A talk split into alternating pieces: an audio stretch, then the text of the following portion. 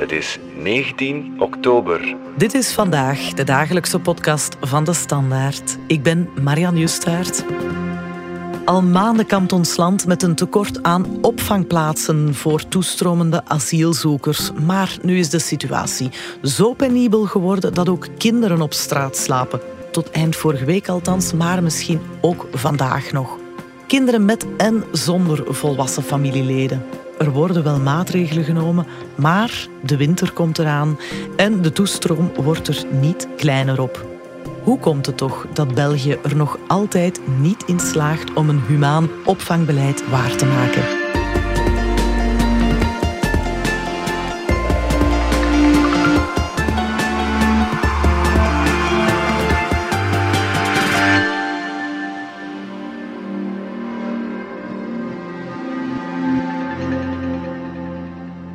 Une personne vient première fois ici, il a le droit d'abord de parler avec la sécurité.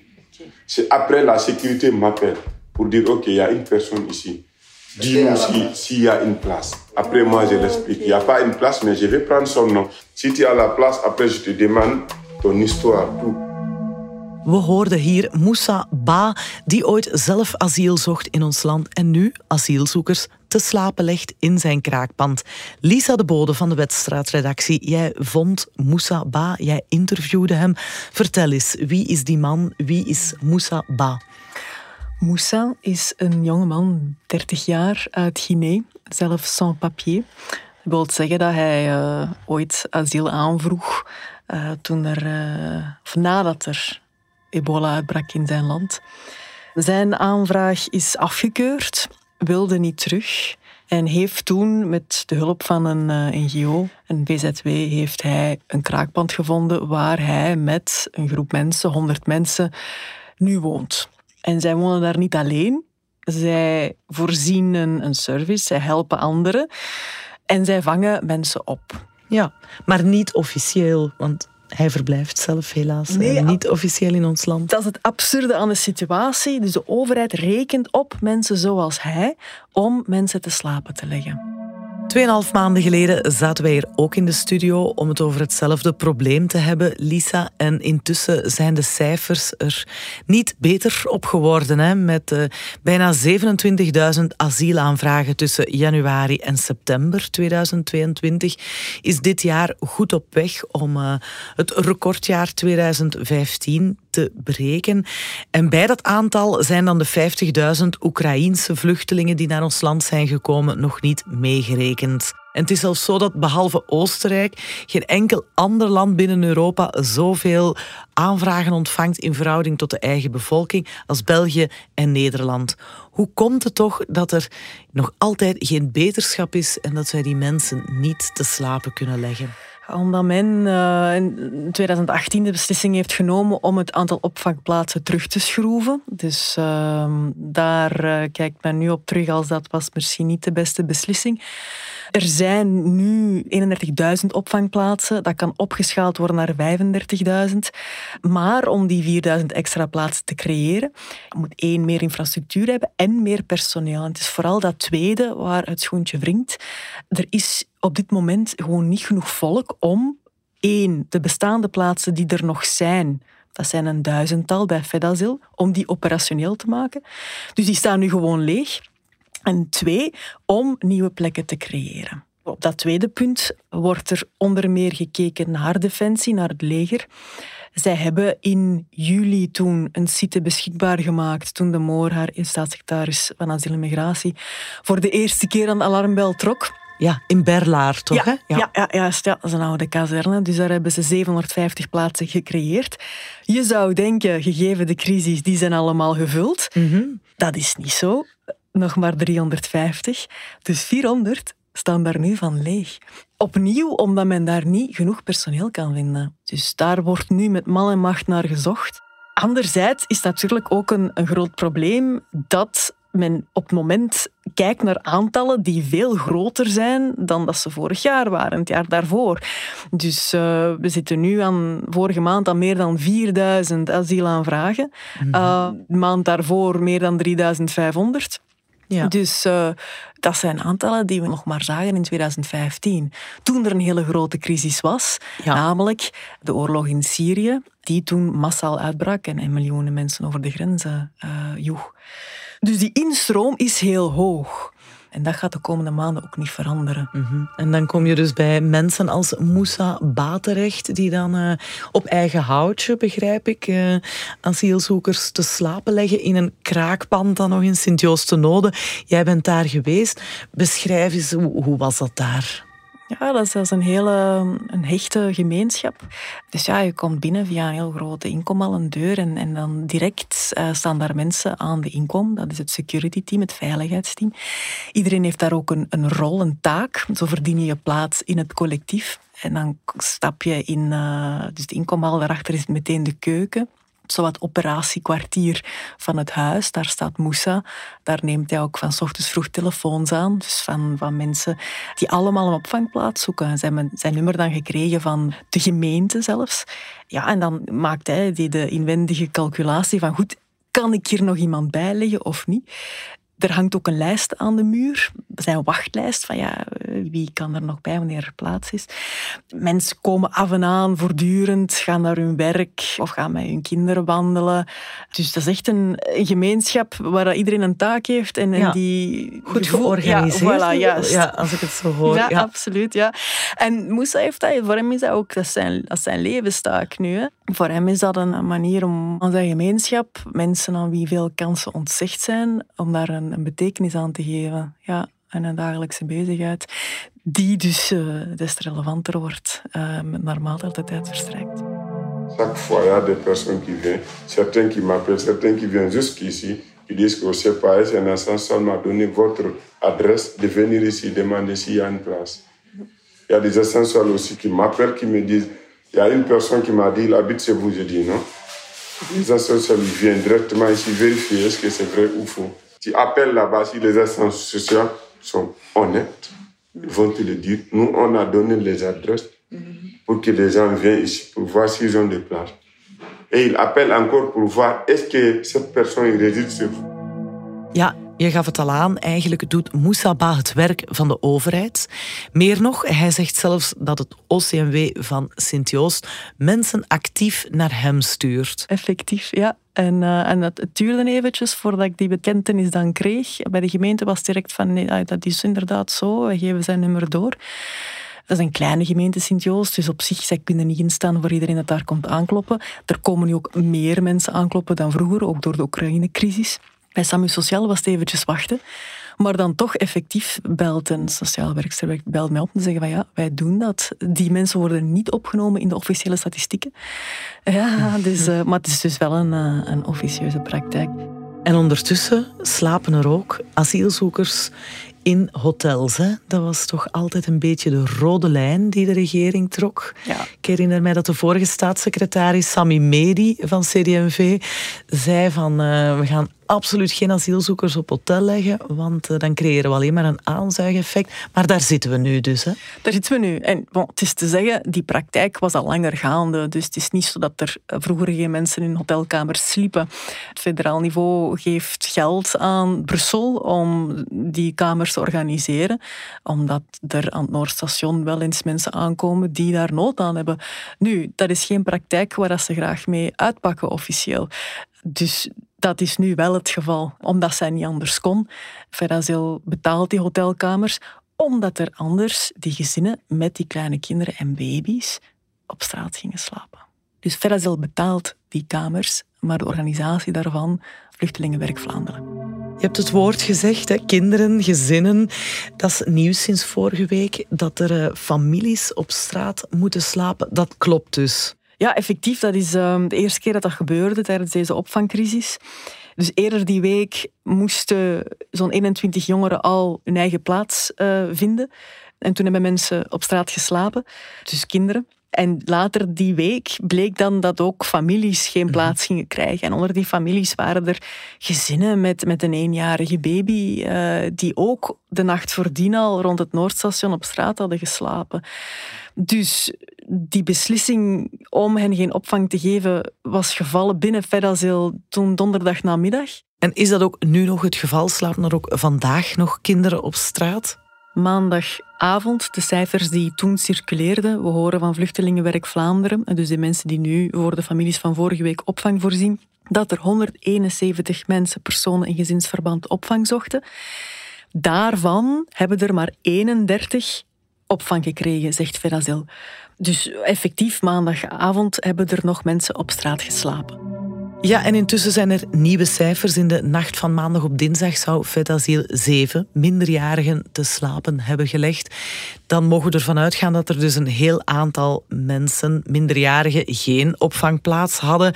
Zij kregen wel slaapzakken en dekens die her en der werden uitgedeeld.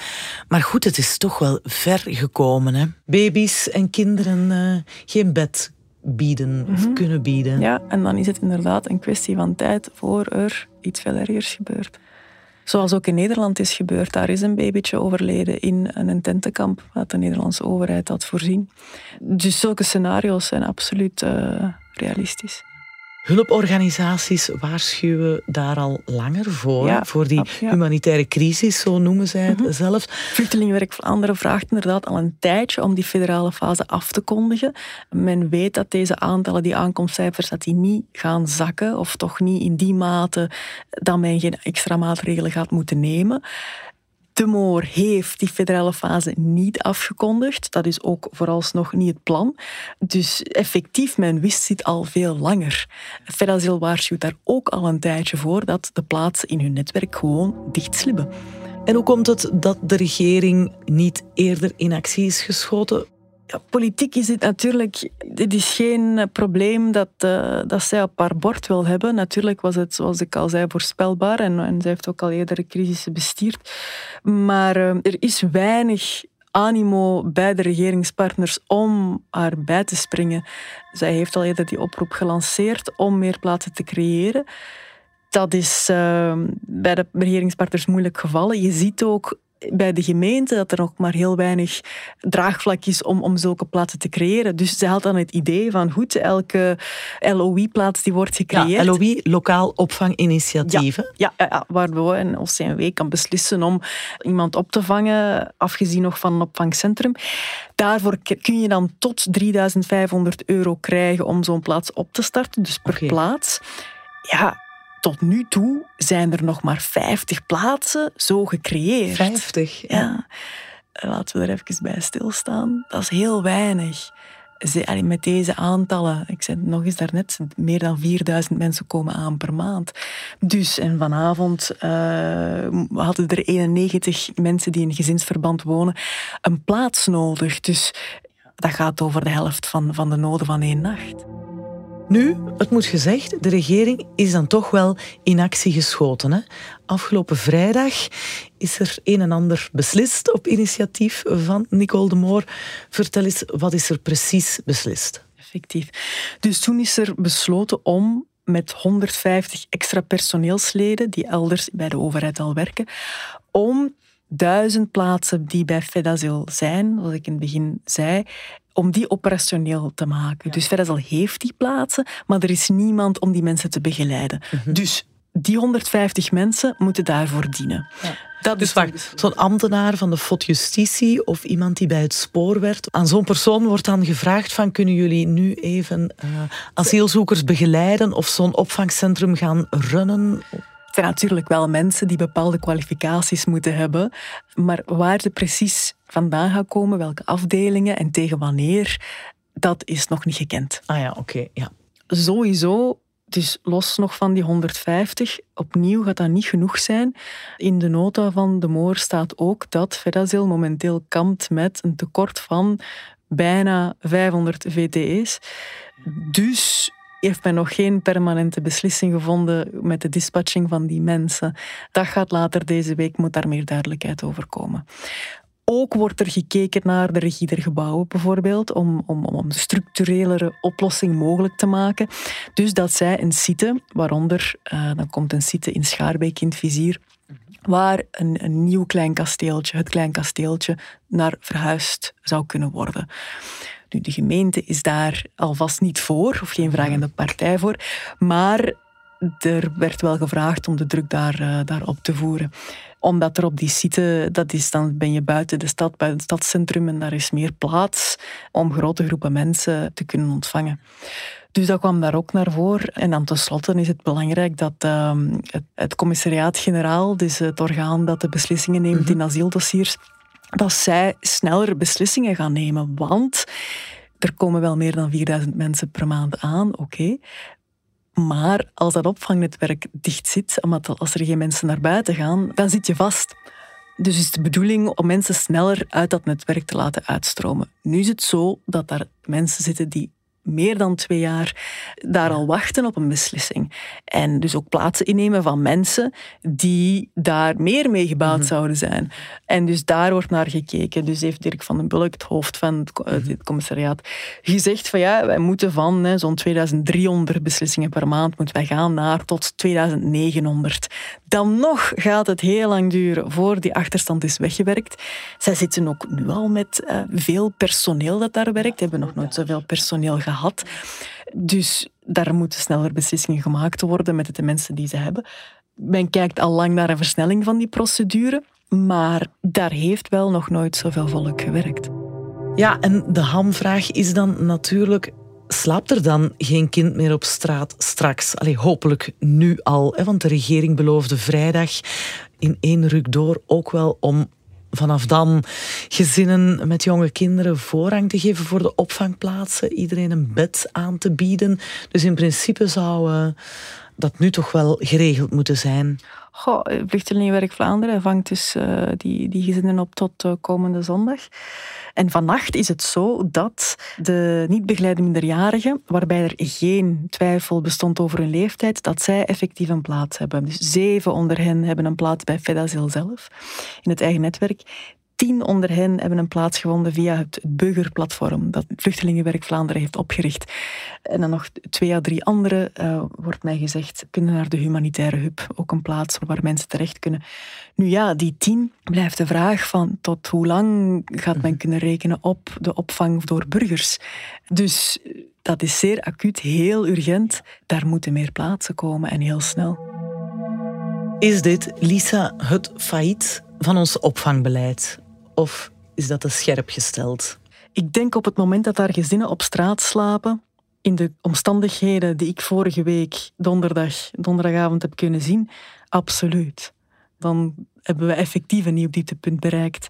Ik denk dat het verschil met vandaag ook met, met het verleden is, is dat er nu na de opeenvolgende crisissen, ook door alle mensen die uit Oekraïne zijn opgevangen, dat er nog minder animo is om extra plaatsen te maken.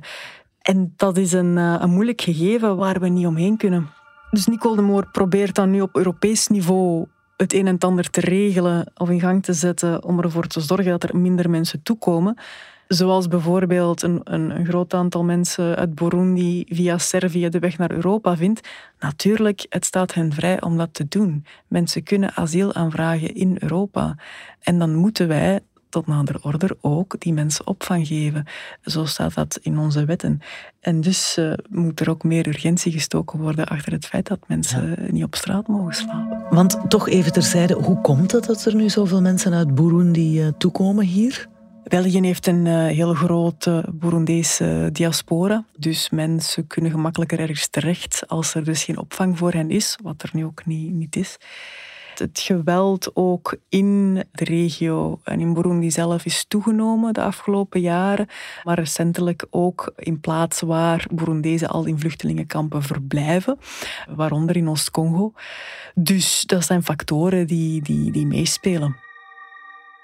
Nu, de bevoegde staatssecretaris Nicole de Moor van CD&V geeft wel toe dat het niet altijd gemakkelijk is om de rest van de regering te overtuigen van de sense of urgency. We horen haar hier in het journaal op VRT. Oh, het is soms moeilijk om de urgentie te duiden. Hè. En ik denk dat de urgentie nu wel zeer duidelijk is. Uh, niemand wil mensen op straat. Oh, niemand wil mensen op straat. Niemand binnen de regering wenst dat. En vandaar dat ik blij ben met de eensgezindheid om, uh, om deze situatie samen aan te pakken. Ik vraag al langer om verasiel te ondersteunen. En dat zullen we nu ook doen. Ja, Lisa, dat is uh, een oud zeer. Hè? Het is niet gemakkelijk om geld los te weken voor extra opvangplaatsen voor asielzoekers. Absoluut. Onder Defensie, onder meer, is er weinig animo om nog extra plaatsen beschikbaar te maken. Dus zoals eerder gezegd, hebben zij een, uh, een kazerne vrijgemaakt. Maar om nog meer te doen, als die plaatsen in die kazerne al daar niet worden ingevuld, is daar precies weinig goesting.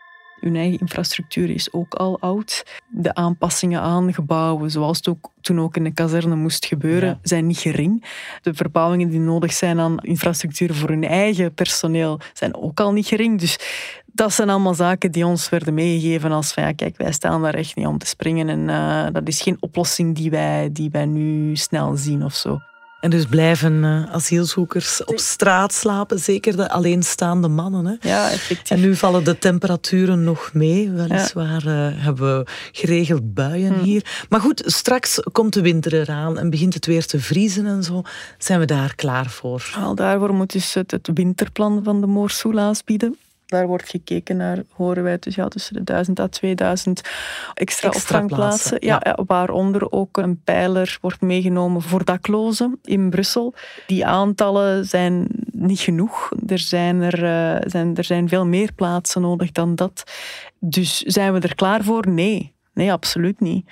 En deze week moet daar dus meer duidelijkheid over komen waar de moordenaar kijkt bijvoorbeeld om sneller die triage te maken tussen wie recht heeft op opvang en wie niet.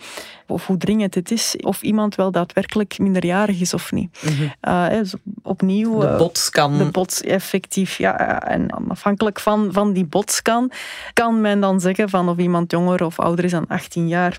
En dat speelt wel een rol in, in, in de cijfers. Vandaag wordt uh, gecommuniceerd dat alle niet begeleide minderjarigen opvangplaats krijgen. Maar dat wordt ook meteen bijgezegd van het gaat hier over mensen zonder leeftijdstwijfel.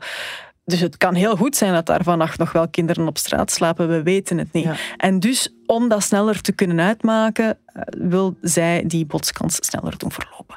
Opnieuw, dat doet nog altijd dan niet af van het feit dat als je ouder bent dan 18 jaar, heb je nog altijd recht op een opvangplaats. En die mensen krijgen al heel lang, eh, de alleenstaande mannen, krijgen geen plaats. Het is zelfs zo hè, dat er nu meer dan 4500 veroordelingen zijn opgelopen door de staat. Die worden niet betaald. Uh, de moor gaat daar ook prat op hè, dat dat niet gebeurt. Maar zo beland je dus wel in een totale uh, onverachtzaming van je rechtsstaat en van je verplichtingen. En ondertussen blijft Moussaba als man zonder papieren, nota bene, asielzoekers te slapen leggen in zijn mensen opvangen, effectief. kraakband. Dankjewel, Lisa de Bode. Dat is heel graag gedaan, dankjewel. Dit was vandaag de dagelijkse podcast van De Standaard. Bedankt voor het luisteren. Alle credits van de podcast die je net hoorde vind je op standaard.be-podcast. Reageren kan via podcast.standaard.be. Morgen zijn we weer.